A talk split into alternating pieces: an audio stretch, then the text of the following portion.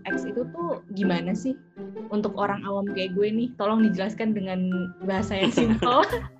Iya, dengan bahasa-bahasa orang yang awam lah. Iya, yang awam, awam, awam banget, basic iya, banget. Awam banget. Pakai stickman.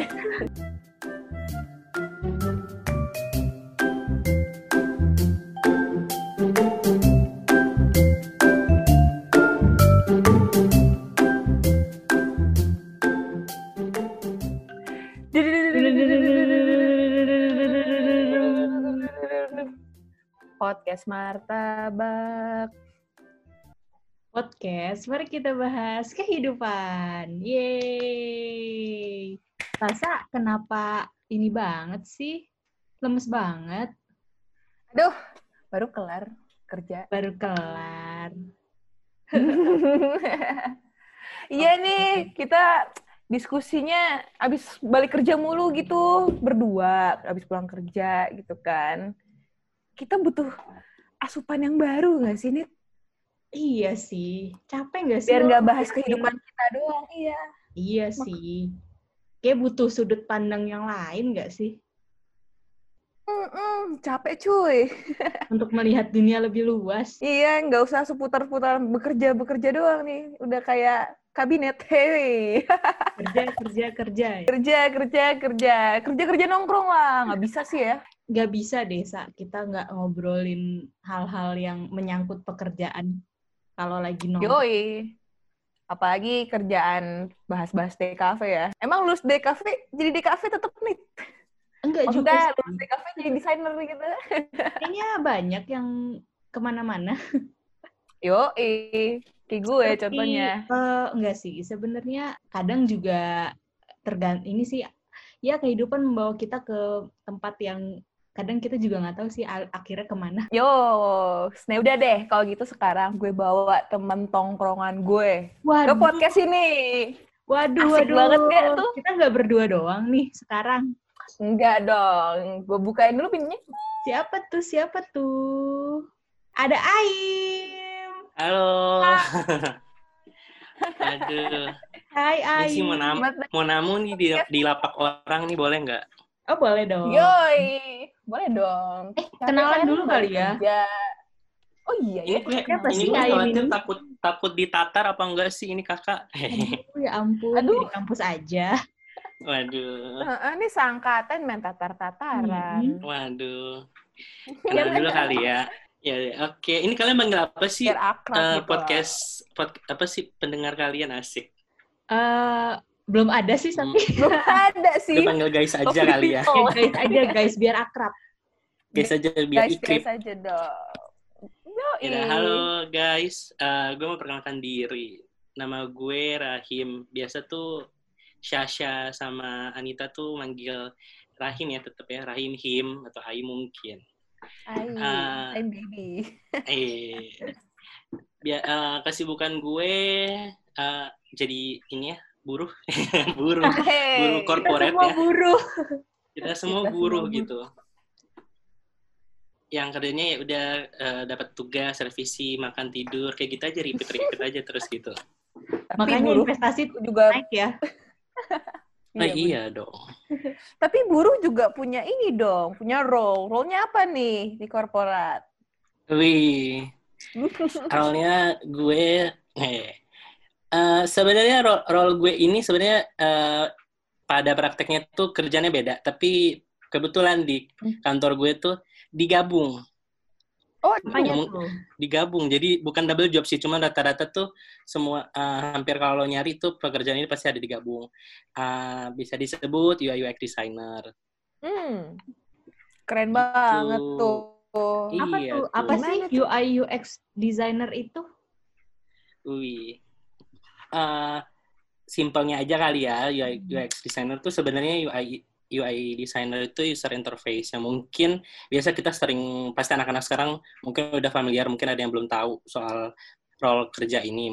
Yang pertama tuh yang UI designer tuh dia lebih ke desain desain gampangnya lebih desain tata letak lah tata letak untuk satu aplikasi gitu. Sedangkan kalau untuk UX sendiri itu itu untuk yang ngatur atau ngerancang flow flow untuk satu aplikasi. Mungkin kalau mau dikasih contoh misalnya kalau kalian tahu lah ya Gojek atau Gojek aja kali ya.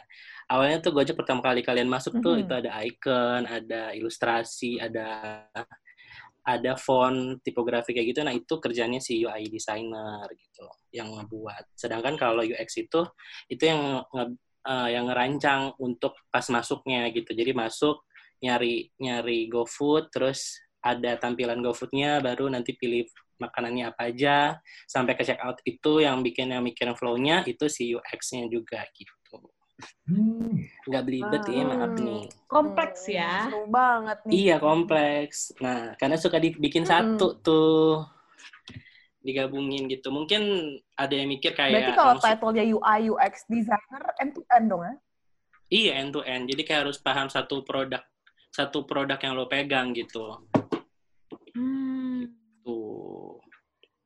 Berarti ini dong, eh harusnya ini dua orang ya, UI designer dan UX designer. UX harusnya. designer gitu. Cuman emang sebenarnya kalau- Ya, sebenarnya kalau yang ini tuh lebih lebih ke kerja tim sih. Kan beda kalau graphic design tuh dia bisa sendiri gitu. Kalau UX itu karena sebenarnya bisa eh, dia lebih ke tim dan dia biasa masuk ke divisi produk atau enggak tech yang sama anak-anak coding gitulah. Oke. gitu. Itu. Anjir kok diem. Wah, seru nih. Iya, gitu. Kan ada mau ngomong-ngomongin coding-codingan nih. Gitu kan. Ini Ngomongin coding. coding-codingan nih, gitu kan. Apakah jadi UI UX designer harus tahu coding-codingan, harus tahu programming? Oke, itu biasa pertanyaan yang biasa ditanyain kali, yang biasa ditanyain kalau orang pada baru mau terjun kali ya. Nah, eh, sebenarnya kalau untuk kalau untuk harus bisa coding atau enggak untuk bisa jadi UI UX, enggak juga. Menurut gue itu cuman kayak nilai tambah doang. Nilai tambah doang kalau lo bisa coding. Kalau pada kerjaan nyatanya itu prakteknya lo lo itu ngedesain terus lo ngerancang flow, tapi kalau sama developer lo itu harus lebih menyesuaikan apa keinginan develop kebutuhan developer. Jadi developer tuh butuh kayak kalau kita tuh desain tuh biasa cuman kenal tuh PNG, terus terus JPEG kayak gitu. Nah, kalau di kalau di UX itu mereka biasa pakai eh, SVG. Nah, SVG itu tuh biasa kalau lebih gampang gue sebutin kayak vektor. Jadi pas ngoding pun itu bisa diganti warnanya, ukurannya kayak gitu. Oh, walah, Macam berarti kayak raw gitu ya, tapi nggak raw juga ya. Iya gitu. Jadi sebenarnya kalau untuk bisa basic programming itu biasa uh, itu kayak nggak menutup kemungkinan juga harus punya atau enggak. Tapi kalau dari gue sih nggak harus nggak nggak harus karena tuh itu cuma nilai plus doang karena nggak menutup kemungkinan juga dari developer anak coding juga bisa jadi UI designer. Temen gue ada juga dari arsitek jadi UI UX designer. Wow, Ya, emang desain tuh apa ya? eh, Universal ya? semua orang emang bisa bisa bisa desain gitu, tapi kan emang Hmm. eh, yang membedakan kan isi kepala orang kan beda-beda ya. Kalau secara Hmm. teknik Hmm, mungkin orang tuh emang siapa aja bisa gitu jadi desainer. bener bener bener. Nah, eh, tapi Im, gue mau tahu nih, jujur ya, gue tuh awam nih dengan UI UX designer kan, karena eh, gue Hmm. gue sendiri kan ngambilnya desain grafis gitu. Gue tuh pengen Hmm. tahu deh program kerja program proses Program. Flow-nya, flow, flow kerja Organisasi apa? ya. sorry sorry. gue pengen tahu sih kayak proses kerja dalam pengerjaan UI UX itu tuh gimana sih untuk orang awam kayak gue nih? Tolong dijelaskan dengan bahasa yang simpel. Iya, dengan bahasa-bahasa orang yang awam lah. Iya, yang Oh, awam banget. awam banget, basic Iya, banget. awam banget. Pakai stickman. Plastic Man. Oke. Eh, sebe- sebenarnya eh, kalau ini juga bisa masuk ke anak desain, si anak desain pasti bisa relate karena kurang lebih sama sih ro- role kerjanya. Cuman cuma bedanya mungkin lebih ter terstruktur terniat. Ken- Kenapa gue bilang gitu? Karena tuh kalau setiap kali lo ada aplikasi tuh ada project tuh biasa ada ada macam kalau lo mau ngadain acara tuh ada proposalnya gitu kan. Nah, itu tuh lo mesti ada basic itu dulu, aplikasi tujuannya kayak gitu. Nah, itu biasa tuh dibilang tuh kalau kita PRD, produk rekrut recruitment apa gitu, gue lupa maaf ya. Nah, Nah, jadi kebutuhan-kebutuhan yang dibutuhkan dalam satu aplikasi itu ada di situ. Nah, biasa tuh UI UX tuh nerima tugas dari PM product manager tuh dari uh, brief brief brief yang disebut PRD itu. Jadi butuh kayak oh lo pertama tuh kalau untuk UI lo lo minta dibuatin screen halaman ini gitu. Terus sampai hmm. halaman ini satu flow biasanya tuh dibuatin gitu. Terus dari situ tuh baru nanti di direvisi gitu. Nanti dikasih tahu ininya kayak gimana. Itu kalau untuk UI sih. Kalau untuk hmm. UX, kalau untuk UX sendiri itu biasa tuh lu lebih bakal lebih kerja banyak sama si product manajernya. Itu bakal nanti brainstorming, nyari pers, nyari nyari flow, bikin flow, terus bikin konsep, terus bikin persona kayak gitu loh. Persona itu persona user, jadi karakter usernya itu bakal kayak gimana gitu. Hmm. Sebenarnya lumayan. juga tuh karakter-karakter uh, eh, UX apa karakter-karakter usernya.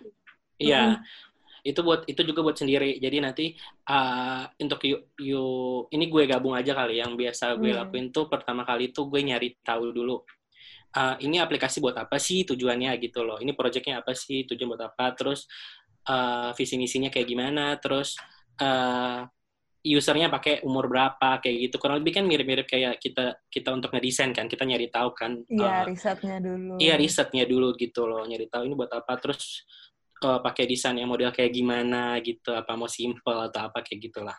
Udah dari situ tuh nanti gue nyari user gue bikin persona baru nanti gue uh, pas dapet baru gue presentasiin ke product manager ketika emang udah oke oke okay, baru gue udah bisa bikin flow-nya dan gue udah bisa bikin uh, uh, desainnya. Nah untuk desain sendiri itu di UI juga ada tahapan-tahapannya kayak kayak dari sketsa bisa kan kita sketsa asistensi oke okay, gitu tapi kalau yang mm -hmm. ini agak sedikit ribet eh, bukan agak sedikit nambah gitu loh lu sketsa mm -hmm. lo buat uh, low fidelity-nya namanya itu kayak sketsa sedikit bagus, lebih ah, detail. Iya. Habis itu naik lagi uh, fidelity baru yang lebih detail untuk semuanya udah oh ini uh, finalnya kayak gini gitu. Itu istilahnya wireframe ya kalau nggak iya, salah. Iya, wireframe. Ya? Kalau di hmm. ya itu nyebutnya itu wireframe.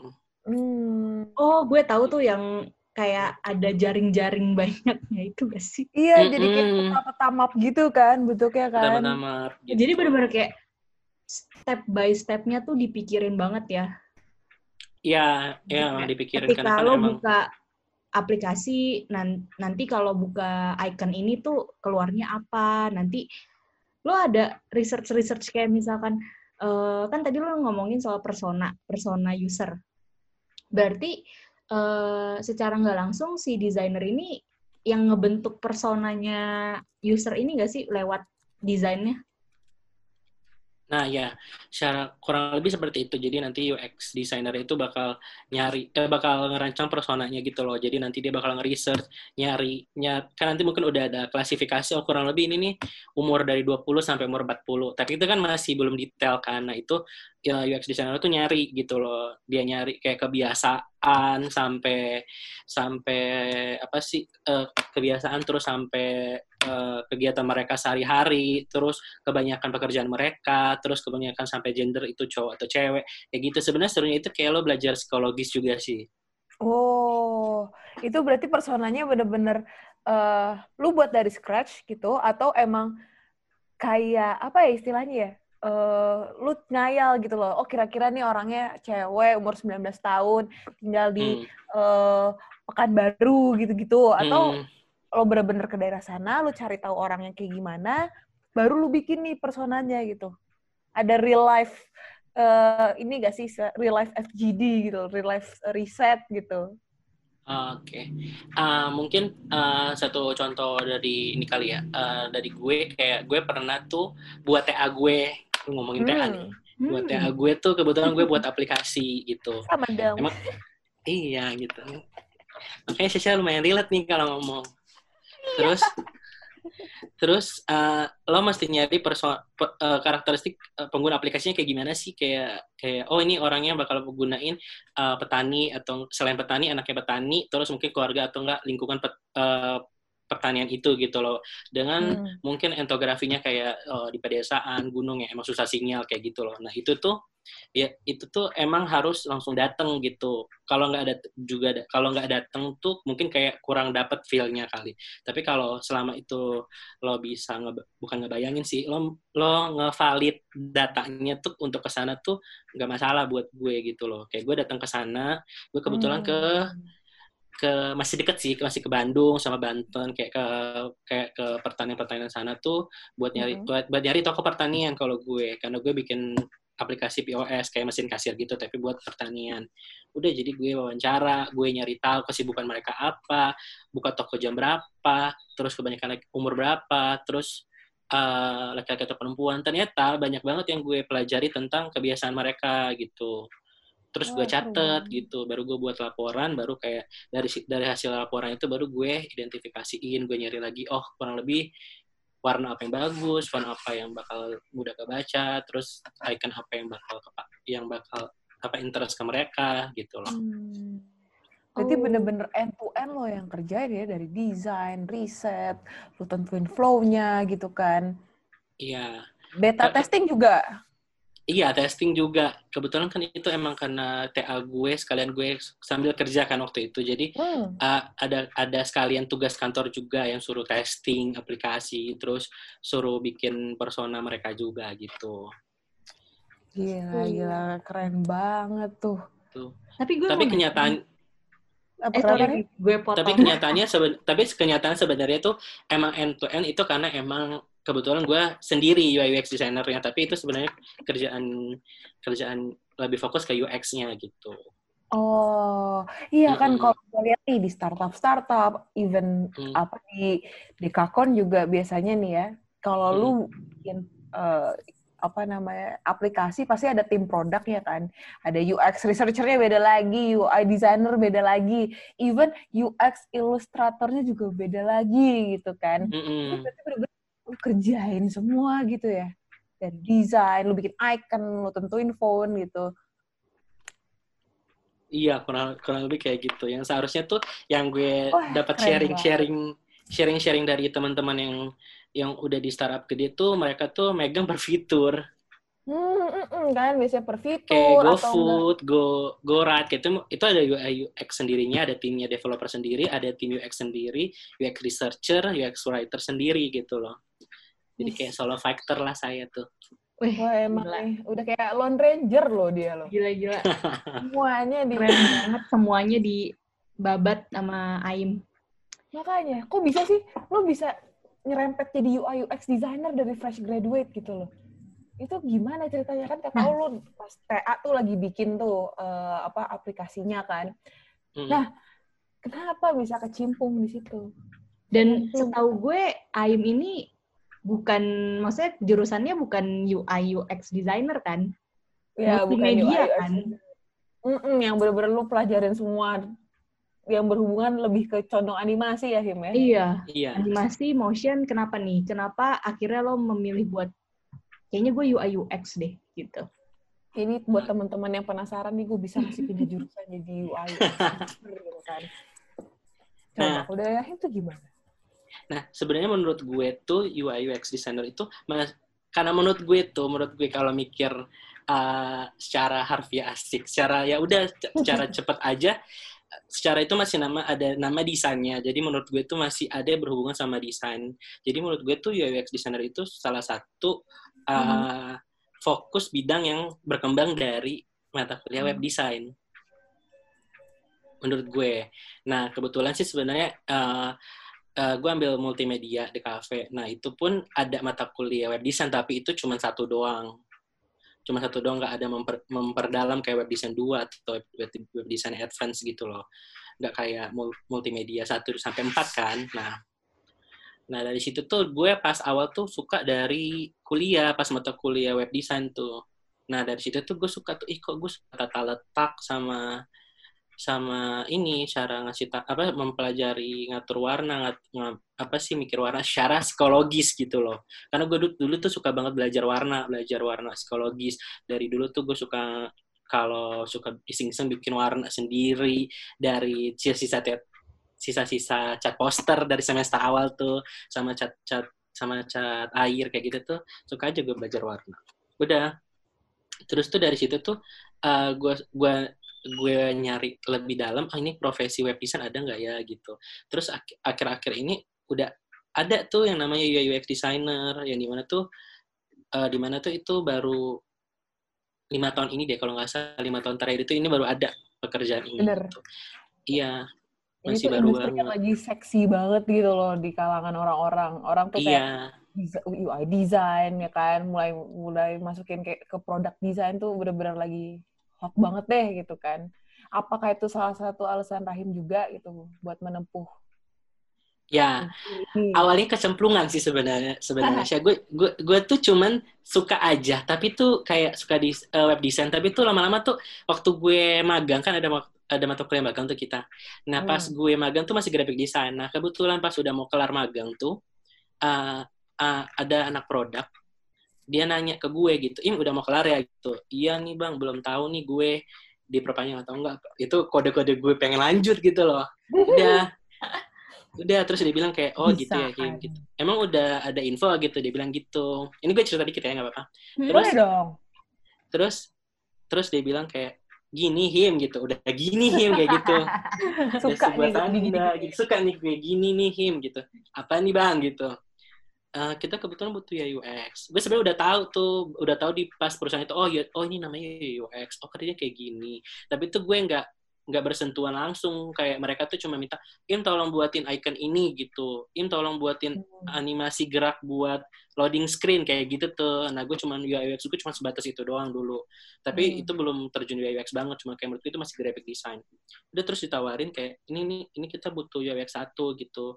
Kayaknya gue lihat yang kerjaan yang buat UI UX sama marketing sama itu tuh gue review, gue review kayaknya lu bagus gitu kayak gitu. Oh gitu bang gitu. Udah terus akhirnya ditawarin lah. Terus gue bilang ya udahlah gue hajar aja lah gitu. Apalagi ini kan baru kan dan mereka tahu kan gue masih baru belum ada basic. Jadi mungkin Hmm. ya ngomongnya ya gue belajar gitu loh ya udah terus ditawarin gue oke udah baru di situlah gue baru tahu mendalami UX gue ikut ikut webinarnya ikut kelasnya gitu apalagi kan sebenarnya UI UX itu yang bikin mahal itu karena emang nggak ada sekolah formalnya. Iya bener, harus ngulik banget kan kalau misalnya lo di Indonesia gitu kan, itu nggak Mm-mm. bener-bener lo bisa pelajarin secara langsung di kuliah Iya. gitu kan. lo nggak bisa dapat langsung gitu. Kalaupun itu pun jarang. Kecuali kalau emang gue nggak tahu ya. Kalau gue dengar ada info katanya kalau di anak coding programming juga ada kalau nggak salah. Tapi itu cuman cuman human interaction apa gitu katanya gitu nggak sedalam itu gitu sedangkan kalau emang di Indonesia belum ada juga kuliah kuliah untuk jurusan ini paling cuma ada di di Ero- Eropa Eropa ada untuk bisa apa UI UX ini kuliahnya kuliah Hmm, formal beberapa di Asia sampai- juga kayak di Jepang sama di Singapura kayaknya ada deh. Karena emang Mm-mm. industrinya masih baru nggak sih? Baru banget karena kan eh, di Indonesia juga startup-startupnya lagi rising banget kan. Hmm. Ya itu apa baru makanya baru ini banget ya Him ya, baru wah banget ya booming banget gitu berubah kan. banget gitu. Terus gue juga suka kayak ya nggak terlalu beda jauh dari pelajaran web design sih sebenarnya, tapi lebih mendalam aja gitu loh. Jadi gue kayak oh gue suka nih gitu. Hmm, itu Gitu. nyiapinnya gimana tuh Him? Ada portofolio khusus gak sih waktu lo terjun jadi UI designer nih?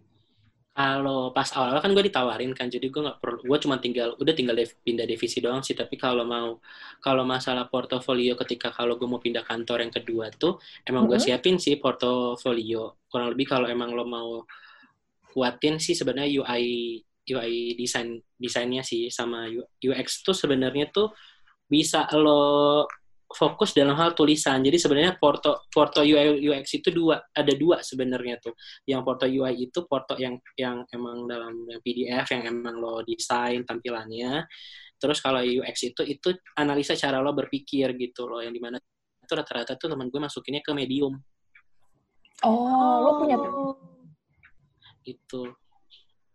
Jadi nanti kalau emang lu angkat satu kasus gitu loh. Jadi kasus itu jadi kayak eh, jadi kalau UI kan kasusnya kayak ngeri desain, tapi kalau UX Hmm. tuh lu ngangkat satu kasus pemikiran lo dikasih tahu kenapa lo berpikir kalau filter ini harus diubah terus di, lo ngasih contoh filter desainan lo yang efektif seperti apa kayak gitu ibaratin nah itu itu ada ada pemikiran juga kayak tetap tetap lo pikirin persona terus lo cari Mm-mm. permasalahannya terus lo define terus habis itu lo bikin Mm-mm. prototipe-nya kayak gitu itu kalau yang untuk untuk apa sih untuk yang UX makanya karena banyak tulisan jadi kebanyakan orang taruh di medium penasaran juga nih Him, selain portofolio gitu kan.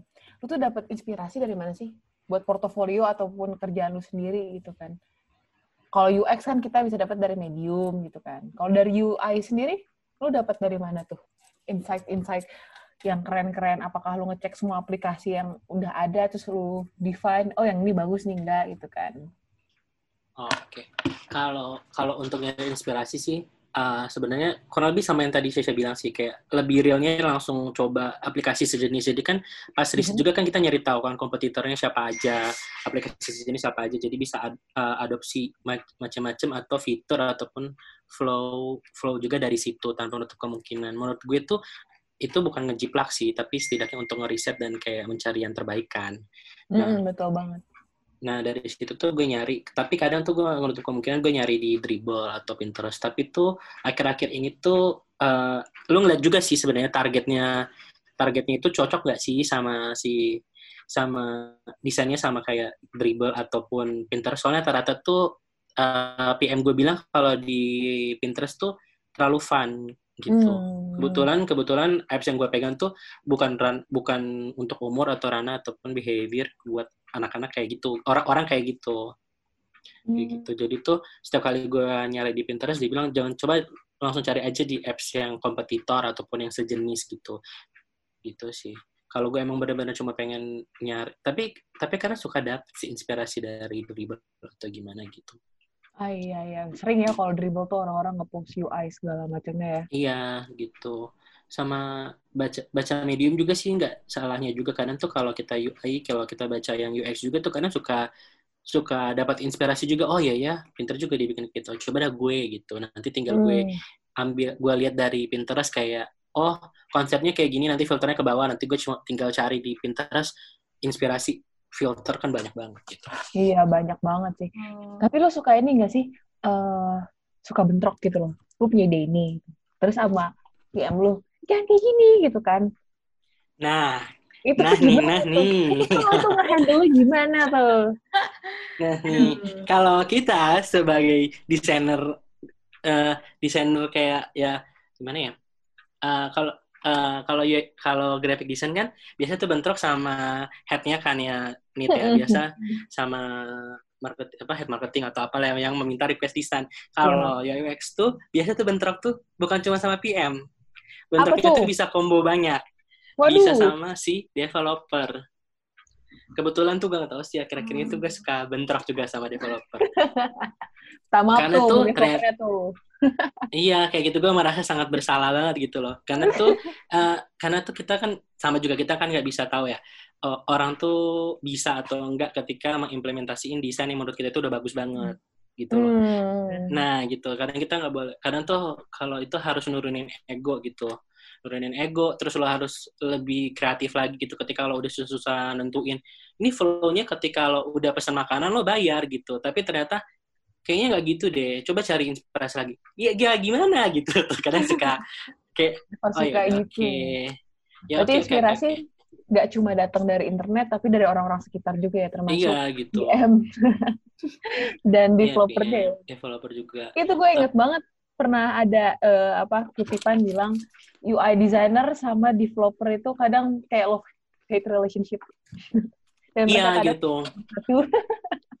kadang tuh kalau mereka bilang kayak coba boleh cari yang lain gak gitu soalnya kalau ini tuh memakan waktu lama untuk decoding gitu oh oh ya udah oke tapi tuh gue emang dari situ tuh belajar kayak ya lo harus nyiapin nyiapin desain alternatif gitu kemungkinan Hmm. karena tuh eh, kita juga nggak bisa menuntut untuk dia bisa atau gimana karena kan ada target juga kan kalau walaupun Iya. desain lo bagus tapi codingnya susah dan lama tahu-tahu deadline lo minggu depan gitu deadline Aduh, dalam hal lumayan. untuk ah, ini rilis ya gitu loh Hmm. Nah, emang harus gitu. Kadang tuh harus lo emang harus cepet mik- putar otak, terus lo mesti riset lagi. Kalau gitu ketika kalau itu tuh cukup riset lagi. Tapi kalau untuk suruh nyari konsep baru ya, tapi tuh kalau biasa tuh bentrok dalam hal kayak UI-nya kayak misalkan nih uh, im ini di ini tolong kasih warna solid kayak gitu sedangkan kita kan kalau dalam hal Mhm. pakai transparan kan biasa aja kan ya transparan tapi kalau di coding tuh transparan itu harus warna solid gitu loh Oh, jadi nggak bisa kita main-main opacity asal ya? Emang iya nggak boleh main opacity misalkan dari warna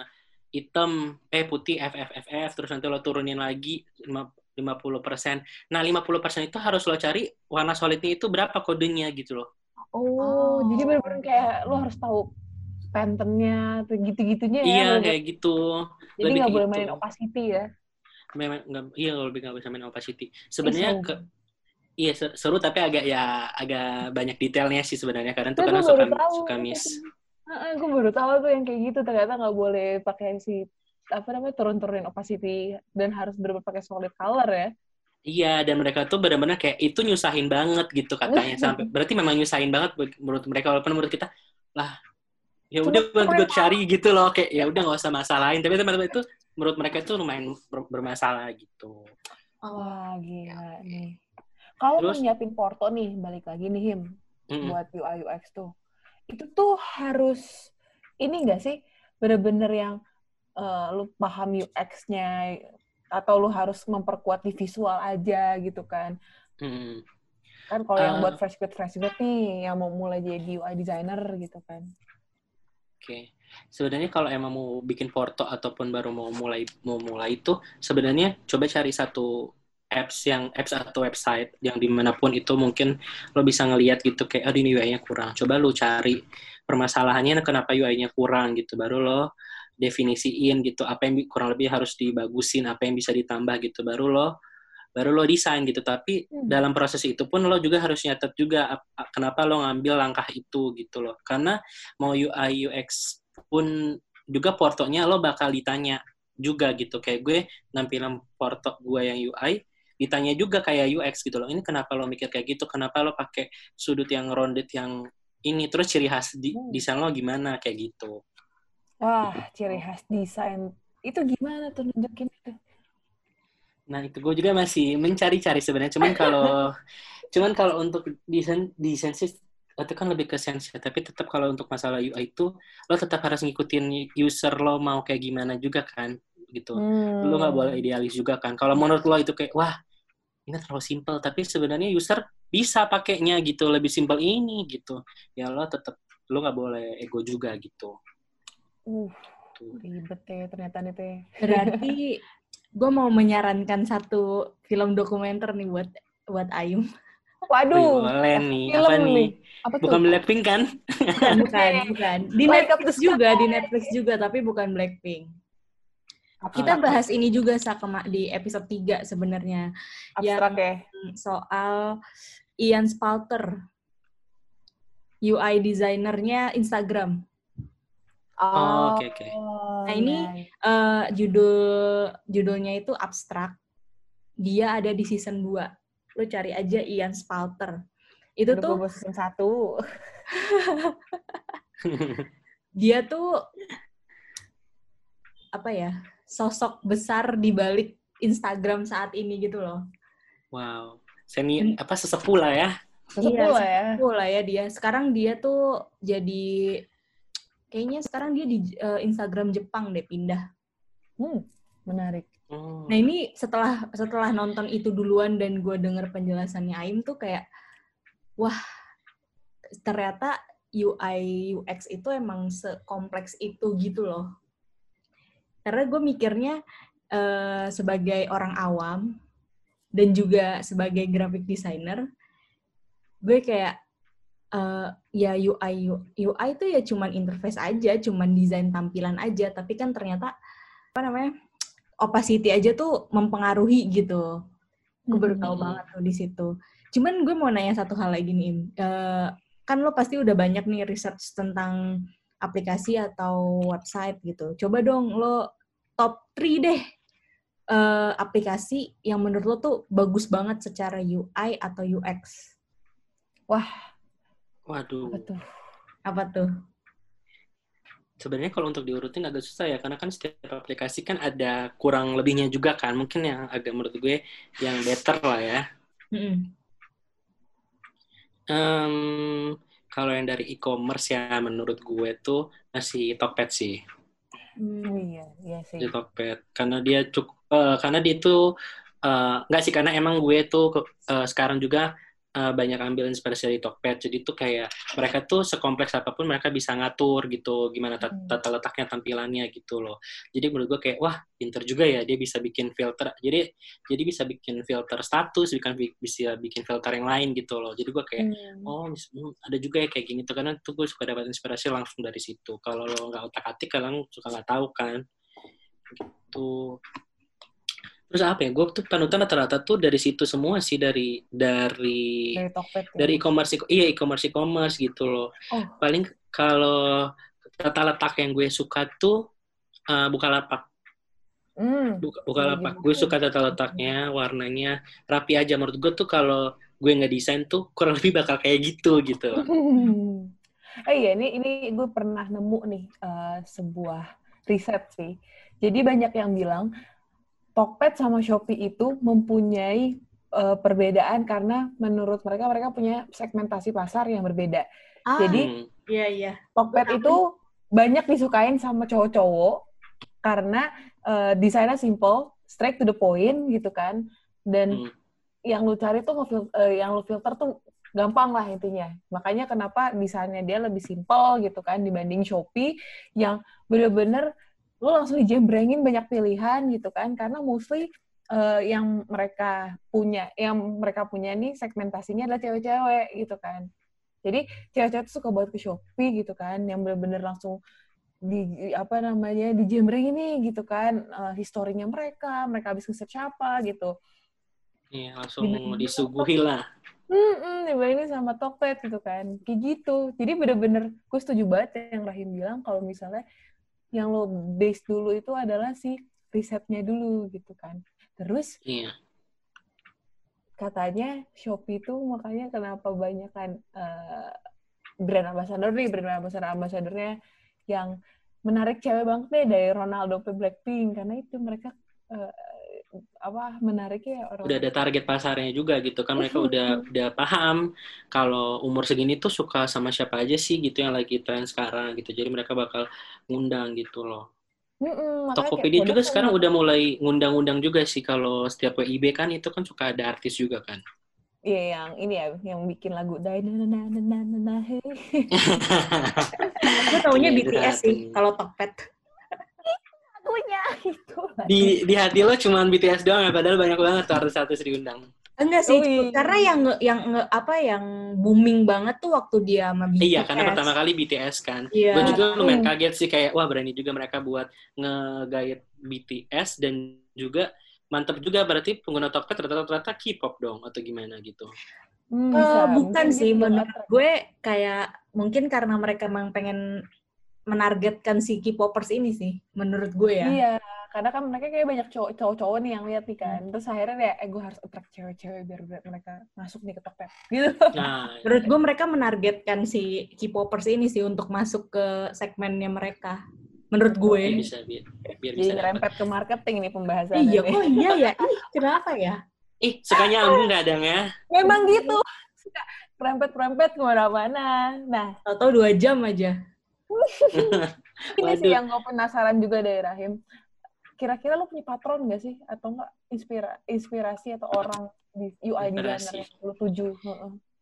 Gue Siapa ketika orang-orang? gue benar-benar stuck banget tuh eh, gue tuh selalu ngeliat entah namanya orang orang luar orang luar jadi tuh agak susah Eh, dia tuh panutan gue karena menurut gue tuh eh, desainnya simple terus cara membuat cara menyelesaikan masalah tuh eh, bagus. Ini Siapa dia kalau kalau lo bisa nyari Nusi Einhorn.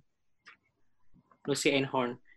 Dia itu found dia itu kalau gue tahu dia dari LinkedIn sih jadi tuh dari LinkedIn itu dia suka posting-posting soal case satu case. Misalkan Hmm. kalau kalau before before UX after UX kayak gimana kayak gitu tuh gue suka ngeliatin kayak wah pinter juga gitu. Gue wah wah main blow juga ya gitu Hmm.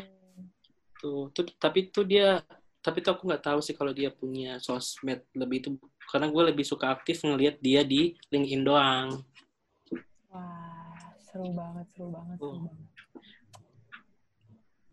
Kalau di Indo, kalau Indo ada sih. In- orang Indo ada dia itu eh bentar namanya itu Yoel Krisnanda kalau nggak salah. Dia itu sekarang jadi eh, di tiket dot eh di tiket ya tiket tiket.com jadi apa ya VP ya VP design kalau nggak salah. Itu gue suka pemikiran UX-nya juga. Karena dia suka di story-nya dia tuh suka ada suka ngasih satu case gitu loh. Satu case kayak gini terus penjelasannya kayak gimana gitu. Kayak menurut lo bagusan ini atau ini gitu. Terus dikasih Hmm. penjelasannya jadi kayak enak gitu sih menurut gue. kayak untuk orang yang mau gampang atau kayak gimana tuh belajar UX mudah juga kok kalau lo, asal lo benar-benar mau gitu loh semuanya bisa dipelajari gitu Keren banget. Keren banget emang. Gue tuh sepanjang eh, pembicaraan kita ini diem, eh nggak banyak ngomong karena gue mencerna sebenarnya. cerna Kayaknya ada yang mau Mencerna ilmu-ilmu nih. baru ini.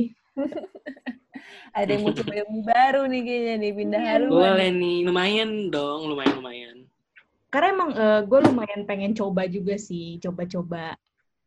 Eh, tapi mungkin nggak sekompleks untuk nge-research apa gimana. Paling ya tampilan-tampilan kecil aja. iya tahu di situ kan nanti dapat tawaran ya gitu Aduh, freelance jauh freelance atau apalah ya Om ini ya, em, peluang ya, oportunis banget Peluang, kayaknya. opportunity Tapi setuju sih. Nggak ada yang nggak bisa Opportunity. dipelajarin. Opportunity. Yes. Boleh tuh.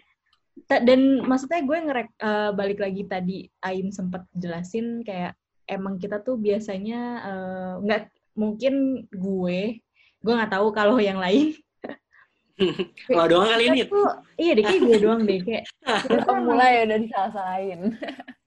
kita tuh learning by doing gak sih Exactly. kayak iya eh, ketika lo masuk ke dunia profesional gitu, kayak semua ilmu yang lo pelajarin di kampus tuh hampir kayak eh agak beda gitu implementasinya, Beda banget. Gua beda setuju. banget gitu loh. Jadi kayak tetap Hmm. kita belajar terus gitu loh setiap hari. Jadi emang bener kalau lo emang nggak bisa ya bener bisain aja dulu karena pasti lo akan belajar gitu loh selama prosesnya. Iya, bakal belajar.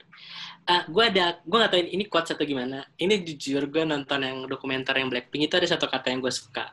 Oh, dia udah nonton. Dia nonton. Eh, aku bukan Blinks ya, tapi cuma suka aja. Ka- Lewat aja sih lagi gabut Mhm. terus nonton. Padahal baru kemarin yang keluar. Ah, kata-katanya itu nungguin. kalau kalau nggak salah ya, ah, ah, ini kayak pengingat ke diri lo ketika lo capek gitu loh kayak lo mau menyerah dengan gampangnya gitu. Terus biasanya kan kalau kata-kata Korea itu kalau diubah ke Indonesia kan agak sedikit eh, baku kan ya. Hmm? Pokoknya intinya lo mau nyerah dengan gampangnya setelah lo ngelewatin semua ini gitu loh. Ketika kalau orang nge-push lo, lo harus push balik yang atau enggak lo menikmati eh, lo di push itu gitu loh. Jangan menyerah gitu loh maksudnya. Menikmati proses ya. Menikmati Iya, prosesnya ketika emang lo lagi ngedrop, iya jangan sampai hal ini bikin lo makin drop lagi gitu loh. Kayak Hmm. jangan bikin lo sampai berhenti untuk ngedesain, jangan sampai lo kayak aduh gue nggak berguna atau kayak gimana gitu loh. Kadang kan suka ada kita nge-stuck ataupun kayak kok desain gue nggak keterima. Kok gue udah nggak desain 10 alternatif tapi kok masih belum him kayak gitu. No, jangan jangan sampai sih kita punya pemikiran kayak gitu. Jangan Harus dong. tetap positif. Iya harus tetap positif. Hmm. Kalau 10 desain masih revisi terus revisi revisi terus mending resign aja udah nggak baik buat mental. Iya ya mental gitu. Jadi masih Nah. mending mental dibandingin bertahan karena karena karena emang susah dapat kerja ataupun gaji ya. Ah, ini kayaknya beda pembahasan, tapi adalah selama Anda punya cicilan, resign itu haram. My cicilan my adventure. Iya benar, my cicilan, my adventure. Oke, thank you Aim. Thank you banget, Aim. Sharing Iya nih, waduh udah udah lima jam gak sih ini? Wah, udah setahun udah kayaknya. setahun udah lama. Kasihan Aim mau makan itu. Lapar. Yo, Eh, udah, udah tadi. waduh. Konsumsi ada di kalian ya? Eh, Aduh. Nanti Konsumsi nunggu, dari nunggu kalau ada brand yang mau ini. Oh, oh, iya sama. boleh dong. Silakan Kerja sama. silakan yang mau collab dengan podcast Martabak, untuk memberikan rahim martabak. iya. Sesuai dengan Syaratnya harus harus martabak ya yang endorse. Boleh sih. Oke, thank you Aim. Thank you banget. Iya. yang kita obrolin ini bermanfaat juga ya buat orang-orang. Sukses selalu dan tetap makan martabak. Gitu. Yeay. Tetap martabak. Bye Aim. Bye. Bye.